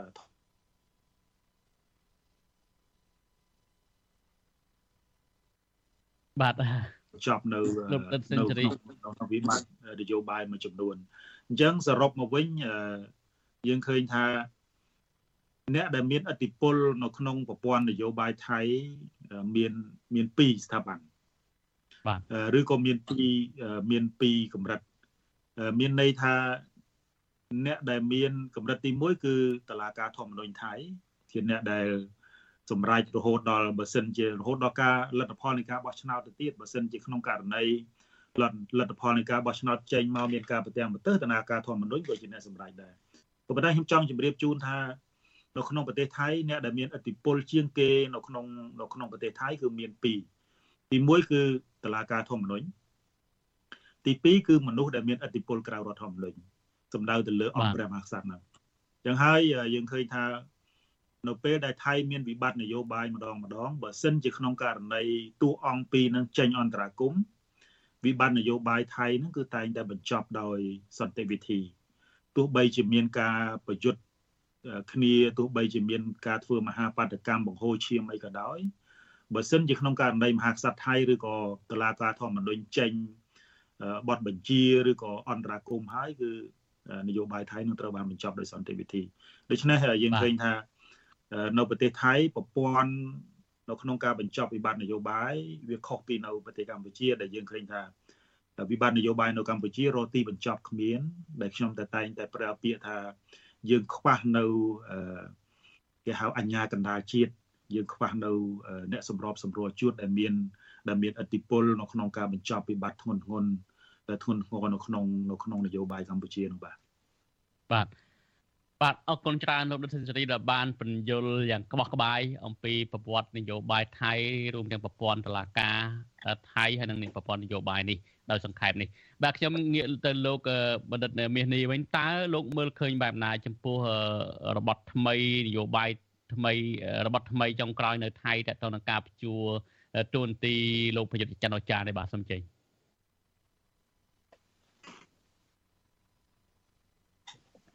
សូមសូមបើកម៉ៃផងលោកបាទហាត់តន់លើសំឡេងទេបាទបាទសាំងខ្ញុំបានទេបាទបាទលឺហើយបាទសូមចេញបាទបាទបាទបាទសូមជម្រាបសួរលោកបណ្ឌិតសេងសេរីហើយសូមជម្រាបសួរលោកកាយានិងសូមជម្រាបសួរបងប្អូនអ្នកស្ដាប់ផងអឺ បើយើងប្រៀបធៀបអំពីរបៀបដែលនយោបាយថៃឬការវិវត្តនៃនយោបាយថៃហើយនឹងការវិវត្តនៅនយោបាយខ្មែរគឺវាមានភាពខុសគ្នាឆ្ងាយហើយជាពិសេសបើយើងមើលនៅក្នុងប្រវត្តិនៃយើងហៅថាការធ្វើគូដេតាឬក៏ការធ្វើគេហៅថាជាបដិវត្តអឺនៅក្នុងឬក៏ការដណ្ដើមអំណាចពីកងទ័ពយោធានឹងថៃគឺមានច្រើន នៅក្នុងរយៈពេលប្រមាណ100ឆ្នាំចុងក្រោយនេះមាន12ដងបើឲ្យ12ដងបើយើងគិតយកមកចែកជាមួយខ្ញុំអាចពី6ទៅ7ឆ្នាំម្ដងគឺមានម្ដងបាទអញ្ចឹងអ្វីដែលយើងអាចនឹងមើលឃើញទាំងអស់គ្នាថានៅក្នុងរយៈពេល100ឆ្នាំចុងក្រោយនេះថៃមានបើប្រៀបធៀបប្រទេសនៅក្នុងអាស៊ានគឺថៃមានការធ្វើបដិវត្តដោយកម្លាំងយោធានឹងច្រើនញឹកញាប់មែនទែន ក៏ប៉ុន្តែរឿងមួយដែលយើងចាប់អារម្មណ៍ថាតើហេតុអីបានថៃគេរក្សានៅការអភិវឌ្ឍហើយនឹងរក្សានៅសន្តិភាពរបស់គេបានរយៈពេលយូរបាទ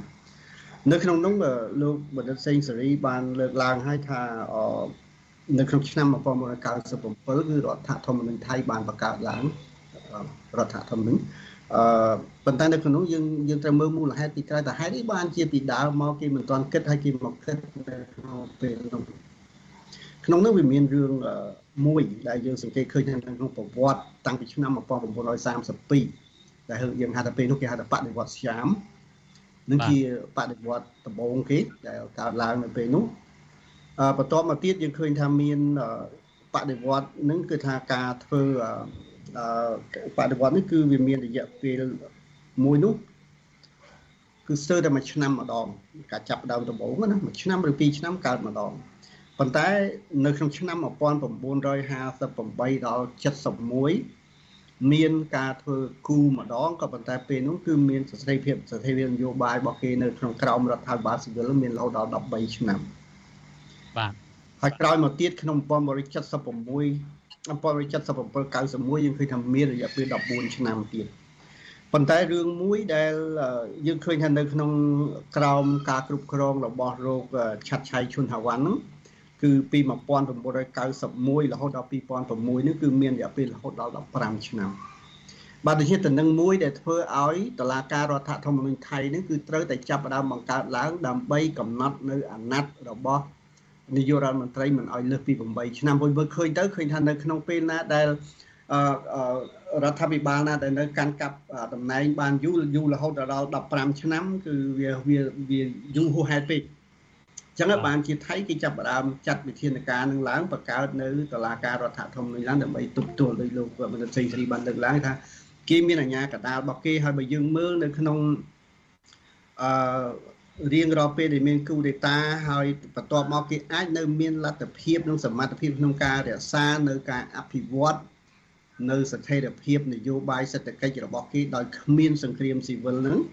ហើយយើងអាចថាមាននៅក្នុងថ្ងៃដែលធ្វើគូដេតាហ្នឹងមានការស្លាប់អីខ្លះសម្រាប់មាននិស្សិតអីស្លាប់ចឹងទៅ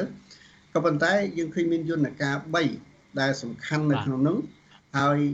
យន្តការនេះបានត្រូវគេយកមកប្រើនៅទៅតាមពេលវេលារបស់គេបាទទី1គឺកងទ័ពទី2គឺប្រព័ន្ធយុតិធធម៌របស់គេនឹងហើយទី3គឺមហាក្សត្រ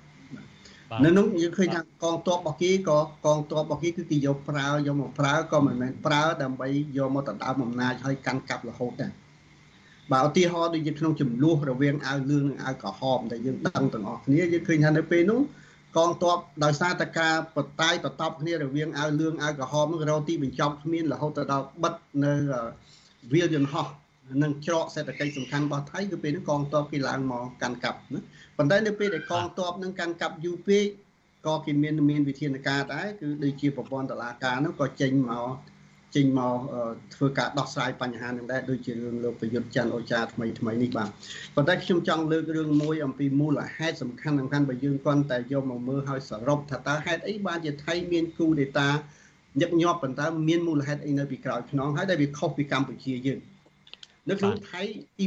1ការធ្វើគូដេតាឬក៏បដិវត្តរបស់គេនេះគឺការឡើងគឺទី1គឺទប់ទល់ជាមួយរបបកុម្មុយនីសពិសេសក្នុងឆ្នាំ1932 33 47ឯនេះគឺសិតតែជាការទប់ទល់ជាមួយកុម្មុយនីសទី2គឺកាលណាក្នុងចំណោមចំណោមចំនួននៃការដឹកនាំរបស់នាយករដ្ឋមន្ត្រីណាមួយក៏ឈានទៅរករបបផ្ដាច់ការពេលហ្នឹងក៏មានធ្វើការធ្វើបដិវត្តនឹងដែរគឺការធ្វើគូដេតានឹងដែរទី3គឺ តកតងទៅនឹងការរើសអើងនយោបាយកាលណាមានការរើសអើងនយោបាយនឹងធ្ងន់ធ្ងរក៏គេមានយន្តការរបស់គេចេញមកដើម្បីទប់មិនឲ្យសង្គមគេនឹងលំអៀងទៅរកការរើសអើងនយោបាយរហូតដល់បាក់បែកជាតិរបស់គេទេហើយរឿងធំបំផុតដែលថៃជៀសវាងដែរហ្នឹង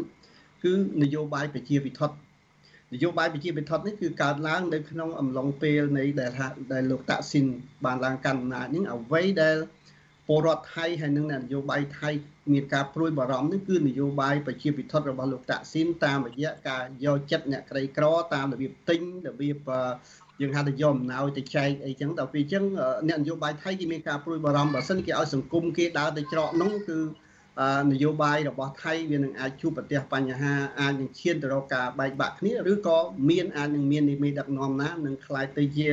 អ្នកដែលកាន់កាប់របបប្រជាការនឹងឡើងមកវិញដោយសារយកប្រជាពិធនឹងយកមកធ្វើជាមូលដ្ឋានគ្រឹះដើម្បីគ្រប់គ្រងអំណាចបន្តបាទហើយដូចជារឿងនៅក្នុងពេលថ្មីថ្មីយើងឃើញថានៅក្នុងរបបលោកច័ន្ទអូចានេះអឺខ្លៅពីរឿងអឺ តាក់ទងទៅនឹងរឿងអាណត្តិលើសពី8ឆ្នាំក៏យើងមើលឃើញមានឧទាហរណ៍ជាច្រើនសញ្ញាជាច្រើនដែរដែលលោកច័ន្ទអូចាទំនងដូចជាបានចាប់ផ្ដើមប្រើនៅវិធានការបដិការមួយចំនួន ដែលបានយកមកប្រើប្រាស់នៅក្នុងសង្គមថៃបានអញ្ចឹងហើយបានជា ខាងស្ថាប័នរដ្ឋធម្មនុញ្ញថៃហ្នឹងគឺគេមានការប្រុងប្រយ័ត្ននៅក្នុងរឿងហ្នឹងគឺមិនឲ្យបដ ாய் ឲ្យប្រទេសគេហ្នឹងធ្លាក់ចូលទៅក្នុងរបបផ្ដាច់ការហ្នឹងដែរបាទ ហើយបើយើងមើលនៅក្នុងអំឡុងពេលនៃការកាន់កាប់ដែលយោធាឡើងមកកាន់កាប់អំណាចម្ដងម្ដងក៏យោធាកម្រនឹងរក្សាជាប់នៅក្នុងតំណែងគ្រប់គ្រងប្រទេសនឹងយូរណាគឺមិនយូរប្រហែលទេគេនឹងចាប់បានប្រកាសឲ្យមានការបោះឆ្នោតឲ្យអនុញ្ញាតឲ្យរដ្ឋាភិបាលស៊ីវិលនឹងឡើងមកគ្រប់គ្រងអំណាចរបស់គេបាទ តំណឹងហើយដែលយើងឃើញថាហេតុអីបានជាប្រទេសថៃនេះគេមានប្រព័ន្ធហ្នឹងហើយរក្សានៅស្ថិរភាពនយោបាយរបស់គេទាំងការអភិវឌ្ឍសេដ្ឋកិច្ចរបស់គេក៏គឺមានលំដាប់លំដោយទោះបីជាគូដេតាកាន់តែញឹកប៉ុន្តែសេដ្ឋកិច្ចរបស់គេគឺកម្រនឹងមានភាពរ៉ាក់រ៉ូលណាស់ប៉ុន្តែបើយើងមើលពីប្រវត្តិនៅក្នុងស្រុកយើងវិញវាខុសគ្នាទៅនៅគេហ្នឹងត្រង់ថាយើងមិននិយាយពីសម័យក្រោយចូលសម័យក្រោយចូលមកដល់ប៉ុន្តែនៅក្នុងងាកទៅជជែកពីនៅកម្ពុជាហ្នឹង ខ្ញុំចង់ជម្រាបលាលោកនាងដែលកំពុងតែស្ដាប់តាមវិទ្យុរលកធាតុអាកាសខ្លីសិនលោកនាងចាប់ពីម៉ោង8:30នាទីទៅនឹងមិនលឺការជជែករបស់យើងទៀតទេ បាទអឺសម្រាប់លោកនាងដែលកំពុងតែទស្សនាបន្តទៀតជាមួយយើងខ្ញុំនៅលើបណ្ដាញសង្គមនេះបើសិនជាលោកនាងមានសំណួរចង់ដាក់មកកាន់លោកគ្មិនយើងទាំងពីរសូមលោកនាងដាក់លេខទូរស័ព្ទនៅក្នុងក្នុង comment ដែលយើងកំពុងតែផ្សាយលើបណ្ដាញសង្គម Facebook YouTube នេះ ហើយយើងខ្ញុំនឹងហៅទៅលោកនាងវិញឬក៏ចង់បែងចែងជាមតិយោបល់ទៅទៅប្រធានបទនេះក៏បានដែរបាទសូមជើញលោកដិតមាសនេះបន្តប្រទៀតបាទសូមជើញបាទសម្រាប់នៅក្នុងស្រុកយើងវិញបើយើងពិនិត្យមើលនៅក្នុងការផ្លាស់ប្ដូររបបនយោបាយនៅក្នុងយើងកុំដល់ទៅនិយាយ100ឆ្នាំជាមួយនឹងថៃយើងនិយាយត្រឹម50ឆ្នាំចុងក្រោយចុះក្រោយពីយើងបានទទួលឯករាជ្យនិយាយថា70ឆ្នាំចុះបាទ គឺយើងឃើញមានតែរឿងធំធំពីរទេ ដែលខ្មែរយើងជួបប្រទះនៅវិបត្តិហើយជួបវិបត្តិម្ដងម្ដងយើងស្ទើរតែធ្លាក់ទៅដល់បាតក្រោមគឺទី1ភាគច្រើននៃការផ្លាស់ប្ដូររបបរបស់យើងច្រើនតែផ្លាស់ប្ដូរតាមរបៀបការដណ្ដើមអំណាចគ្នាណាបាទជាជាងការធ្វើដើម្បីរក្សានៅមនោគមវិជ្ជាណាមួយបាទ ទោះបីជាក្នុងរបបកុម្មុយនីសខ្មែរក្រហមក៏យើងឃើញថាការដណ្ដើមអំណាចគ្នាហ្នឹងគឺជាការដណ្ដើមអំណាចរវាងវណ្ណៈហើយនឹងមួយទៀតគឺដោយសារតែភូមិសាស្ត្រនយោបាយដែលធ្វើឲ្យ